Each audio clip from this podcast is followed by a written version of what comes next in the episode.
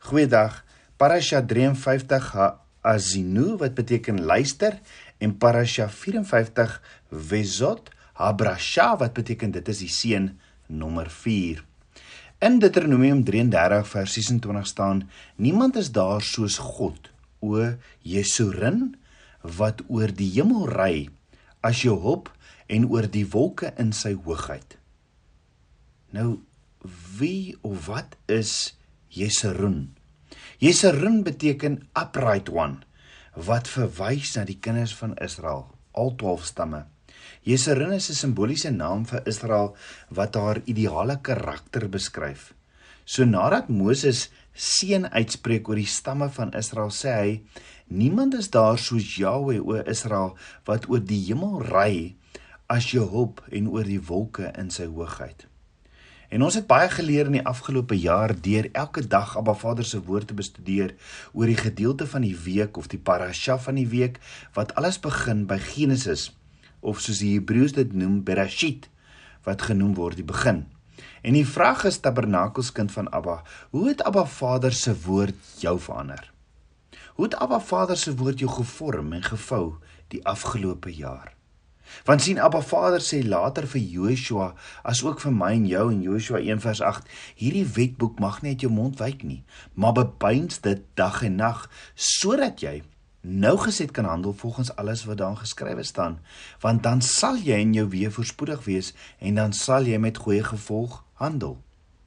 Die vraag is, hoe het Abba Vader se woord die manier hoe jy dink of jou jou kom, hoe het Abba Vader se woord jou kom herstruktureer omdat jy sy woord dag en nag bepeins.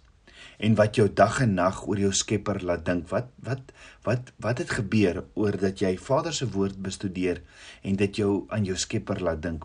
Asook hoe ons ons medemens moet behandel. Hoe dit dit kom verander. Het Abba Vader se woord die afgelope jaar vir jou die rede vir jou bestaan op aarde kom duidelik maak? Tabernakelskind van Abba, weet jy hoekom jy lewe? En hoekom jy elke dag 86400 sekondes kry en wat jy daarmee moet doen? Ons is in die laaste gedeelte of parasha wat jaarlik op die 8ste dag van die fees van Tabernakels bestudeer word. Dis die dag wat deur Abba Vader bestem is om die laaste boekrol mee af te handel. Maar voor ons hom klaar maak en weer heel voor begin, het Abba Vader se vriend Moses nog 'n paar lesse vir ons om te leer en 'n paar aanmoedigende woorde om aan ons te gee. Hy wil hê dat ons moet weet wie en hoe getrou en wonderlik ons groote verbondsvernoot Jahweh Elohim is en wat dit presies vir my en jou beteken met betrekking tot die uitdagings van die lewe. Daarom begin Moses deur ons daaraan te herinner en sê in Deuteronomium 33 vers 27 tot 28 die ewige God is 'n woning en onder ewige arms en hy het die vyand voor jou uitverdrywe en gesê verdelg so het Israel dan veilig gaan woon die bron van Jakob in afsondering in 'n land van koring en mos. Ja sy hemel laat dou afdrup hoor gou weer die ewige God is 'n boos is 'n beskutting van bo en hou sy ewige arms daaronder. Met ander woorde Moses herinner ons aan wat Abba Vader vir ons in gedagte het. Moses wil hê dat ons moet weet hoe geseënd ons is om 'n ewige verbondverhouding met die almagtige, alwetende, liefdevolle Skepper van hemel en aarde. Wat dit is om dit te hê. Gelukkig is die kinders van Israel en daarom gelukkig is die kinders van Israel asook ek en jy wat in Yeshua glo want ons het dieselfde beloftes van Abraham. En daarom sê Moses in vers 29 welgelukkig welgeluksalig is jy o Israel. Wees soos jy? O volk wat deur Jahweh verlos is die skild van jou hulp en wat die swaard van jou hoogheid is sodat jou vyande julle al kruipende aan jou onderwerp maar jy sal op hulle hoogtes stap Jy sien baie keer tydens die beskrywing van die openbarings wat Moses uit die hemel ontvang het, van Abba Vader af ontvang het, het Moses nog nooit gehuiwer om die kinders van Israel na plekke toe te neem waar hulle hoef bang te gewees het nie, want Abba Vader het selfs 'n pad deur die Rietsee gemaak.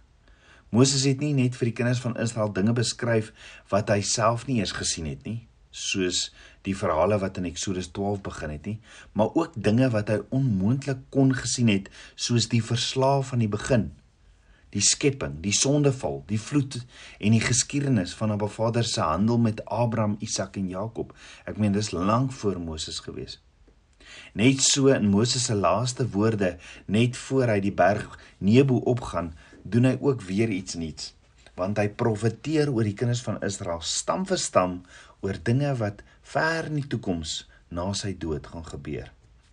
In die laaste laaste gedeelte van die Torah lees ons 'n kort verklaring van sowel Moses se dood as ook sy nalatenskap.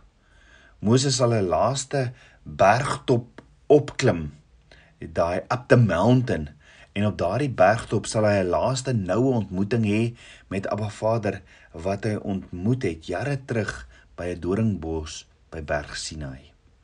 In Deuteronomium 34 vers 1 tot 9 staan: Toe het Moses opgeklim uit die vlaktes van Moab na die berg Nebo, die top van Pisga wat teenoor Jerigo lê, en Jahwe het hom die hele land Gilead tot Dan toe laat sien en die hele Naftali en die land Efraim en Manasse en die hele land Juda wat by die westelike see, die suidland en die Jordaanstreek, die die laagte van Jerigo, die Palmstad tot by Souar. En Jahwe het vir hom gesê: "Dit is die land wat ek aan Abraham, Isak en Jakob in te eed beloof het met die woorde: Aan jou nageslag sal ek dit gee. Ek het jou dit met jou oë laat sien, maar jy sal daarheen nie optrek nie." Toe het Moses die knegg van Jahwe daar gesterwe in die land Moab volgens die bevel van Jahwe en hy het hom in die dal in die land Moab teenoor Bet Peor begrawe en niemand het tot vandag toe sy graf geken nie. En Moses was 120 jaar oud toe hy gesterf het. Sy oog was nie verswak nie en sy krag het nie vergaan nie. En toe het die kinders van Israel Moses beween in die vlaktes van Moab 30 dae lank.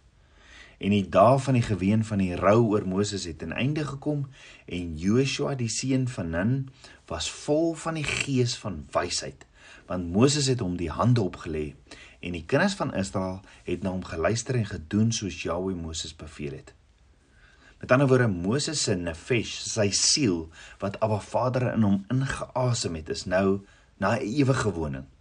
Maar sy fisiese liggaam, sy tempel waarin sy nefesh of siel die afgelope 20 jaar gewoon het, bly aardgebonde. So wat gaan van Moses se liggaam word? Die woord sê in Deuteronomium 34 vers 6 en hy het hom in die dal in die land Moab teenoor Bet-peor begrawe en niemand het tot vandag toe sy graf geken nie. Maar dink gou daaroor.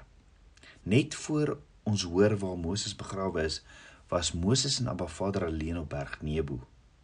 Daar was 'n gesprek toe sterf Moses en nou weet ons waar hy begrawe is. Alhoewel die woord sê niemand weet nie. So wie het Moses regtig begrawe? Van wie praat die hy in die woord? En hoe kan dit wees alhoewel die woord praat van hy het Moses begrawe? Het het het hy Moses begrawe, hoe weet niemand dan die plek waar hy begrawe is nie? So daar's 'n tragies uh, daar is 'n tradisie tra, tra, daar is 'n tradisie afgelei van die gram, grammatika in die oorspronklike Hebreëus in die vers wat Moses se begrafnis beskryf dat Moses se liggaam deur Abba Vader self begrawe is as 'n spesiale liefdesdaad teenoor sy vriend Moses met wie Abba Vader van aangesig tot aangesig ontmoet het soos 'n man met sy vriend mos praat.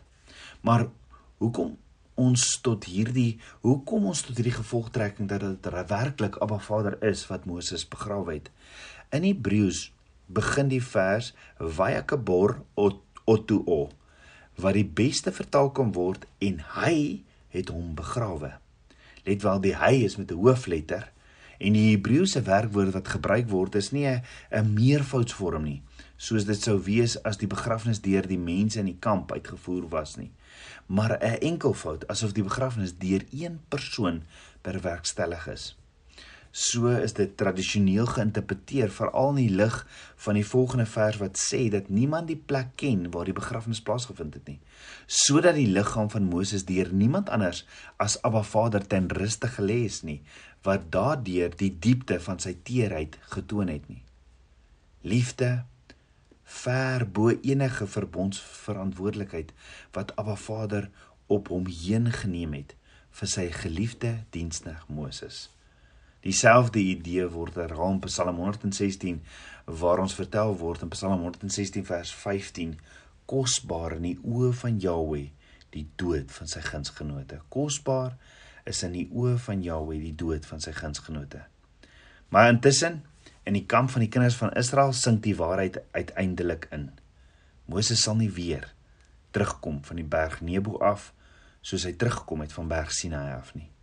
So wat kan gesê word oor wat Moses vir die kinders van Israel beteken het? Dink daaroor. Wat sal sy grafskrif sê?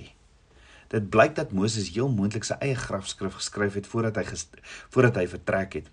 Die Torah waarvan Moses die enigste bekende geesgedrewe gees geesvervulde skrifgeleerde is, sê vir ons Moses was 120 jaar oud toe hy gesterf het maar sy oë het nie verdof nie en sy natuurlike kragte het hom nie verlaat nie. Geen ander profeet wat in Israel na vore gekom het, het Abba Vader soos Moses van aangesig tot aangesig geken nie. Vir al die tekens en wonderwerke wat Abba Vader hom in Egipte land aan Farao en sy hele land of enige of enige van die magtige dade of groot gesigte wat Moses voor die oë van die hele Israel vertoon het, laat openbaar het. Met hierdie woorde sluit die Torah van Abba Vader dan af. Uit die goddelike geskape saad van Torah, uit hierdie uit hierdie goddelike geskape saad van Torah sal die sal die geïnspireerde skrifte van Joshua, Esra die skrifgeleerde, Dawid, Salomo en die profete sal as takke uitsprei, want hierdie is die grondbasis. Die laaste 3 verse van die Torah eindig met dan met Deuteronomium 34 vers 10 tot 12 wat sê en soos Moses vir wie Jahweh van aangesig tot aangesig geken het, het daar geen profeet meer in Israel opgestaan nie. Wat betref al die tekens en die wonders wat Jahweh hom opgedra het om in Egipte land aan Farao en aan al die dienaars en sy hele land te doen en wat betref die hele mags openbaring en al die groot skrikwekkende dade wat Moses voor die oë van die hele Israel gedoen het. So om oor te ponder. Hoekom eindig die Torah met Moses wat soos geen ander profeet was nie? Of kan ek vra hoekom eindig Abba Vader se Torah met Moses se dood? Die Torah is Abba Vader se hart om ons as sy kinders te leer hoe om hom te nader. Ons leer mos in die Torah sy karakter ken. As ook leer ons hoe om die doel van ons lewens te bereik. So hoekom eindig dit met Moses se dood? Of om oor na te dink, wat sal jou gevolgtrekking wees van Abba Vader se Torah? Daaroor praat ons môre verder. Maar die jaarlikse siklus van die Torah is amper verby. Maar dit is nie tyd om op te hou Torah lees en te bestudeer nie. Dit is amper tyd om net weer opnuut te begin. Kom ons begin. Kom ons bid saam. Aba Vader, skieper van my hart. Aba, ek loof en ek prys U. Vader, meer en meer van U. Vader, ek wil soos Moses vra, ek wil U, ek wil nêrens gaan as U nie saam met my gaan nie. Ek wil U heerlikheid sien, Papa God.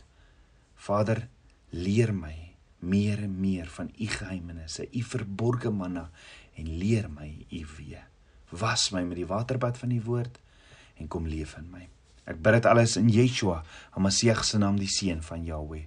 Amen. Shalom.